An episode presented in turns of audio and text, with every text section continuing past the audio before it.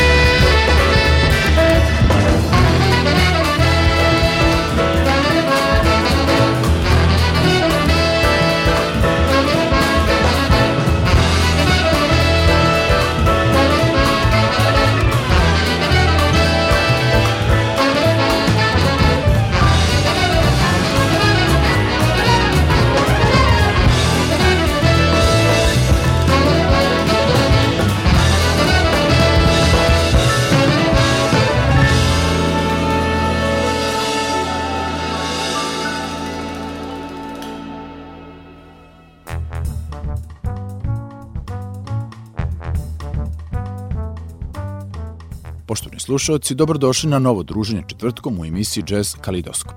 Večera sam predstavljam relativno novu mladu zvezdu na svetskoj jazz pozornici. Kažem relativno novu i mladu jer danas u 21. veku kad je ceo svet povezan digitalno u jedno globalno selo i tržište, teško je odrediti koje su to godine kad je neko u svetu muzike još uvek mlad ili da je vremenska odrnica ranog uspeha ista za sve – imajući u vidu neosporivo mlade svetske muzičke zvezde 21. veka o kojima sam već govorio u ranijim emisijama poput Jacoba Colliera, Joy Alexandera, Tal Wilkenfeld, Esperanza Spalding i drugih. U svetlu pomenutih definitivno veoma mladih umetnika, naš večerašnji gost nije mlada, ali je ipak uspeo da u svojim 30. godinama naplati i konačno iskoristi, pored neospornog talenta i sa uloženi trud i rad tokom svojih 20. Njegovo ime Kamasi Washington ima 37 godina i pored sviranja tenor saksofona bavi se komponovanjem, aranžiranjem i produkcijom. Ovaj afroamerički umetnik je do sada objavio pet izdanja na kojima je vođa projekta. Mi ćemo u večerašnjoj emisiji slušati odabrane numere sa dva. Čuli smo upravo kompoziciju Humility sa najnovijeg albuma iz 2017. godine naziva Harmony of Difference u izdanju izdavačke kuće Young Turks, a koji je realizovao uz pomoć svojih prijatelja i saradnika. Kontrabasiste Milesa Mouslija bubnjara Ronalda Brunreda Jr. i Tonija Ostina, klavijaturiste Brendona Colemana, pijaniste Camerona Gravesa, tromboniste Ryana Portera i trubača Dontea Winslova. Sa tog najnoveg albuma u nastavku emisije slušamo numere Knowledge, a zatim Integrity, Kamasi Washington.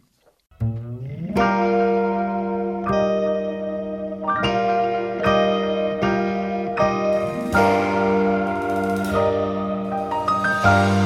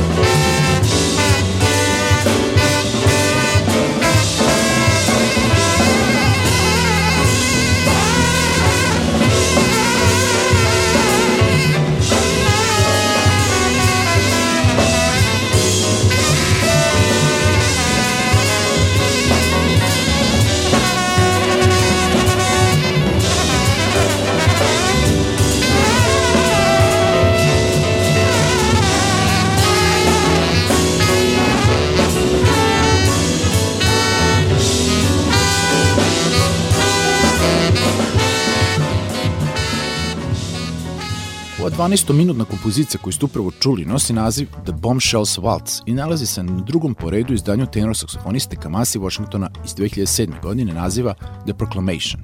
Inače, kao i ovo drugo, svoje prvo izdanje iz 2005. i treće iz 2008. je samostalno objavio i takođe bez posebnog odjeka na svetskoj jazz pozornici uprkos odličnoj muzici i izvođenju. Tokom tih godina aktivno je svirao i snimao u okviru big benda Geralda Wilsona, ali i sa umetnicima poput Wayne Shortera, Herbie Hancocka, George Duke-a, pa preko Thundercata do Lauryn Hill, Snoop Dogga, Shaka Khan i Kendricka Lamara. Svojim četvrtim albumom po redu naziva Epic iz 2015. u izdanju Brain Feedera, Kamasi Washington dobija konačno odlične kritike šire jazz javnosti, veći svetski publicitet, te se od tada više okreće svom bendu i samostalnim koncertnim nastupima na svetskim jazz festivalima. Mi ćemo do kraja emisije poslušati još dve duže Kamasijeve kompozicije s albuma The Proclamation, na kome ga prati njegova ista verna postava sa kojim je snimio i numere koje smo već slušali sa najnovijeg albuma Harmony of Difference, a sa dodatkom još Stefana Brunera na električnom basu i pevačice Patrice Quinn. Numere nose nazive The Conception i Bobby Boom Bap. Uživajte!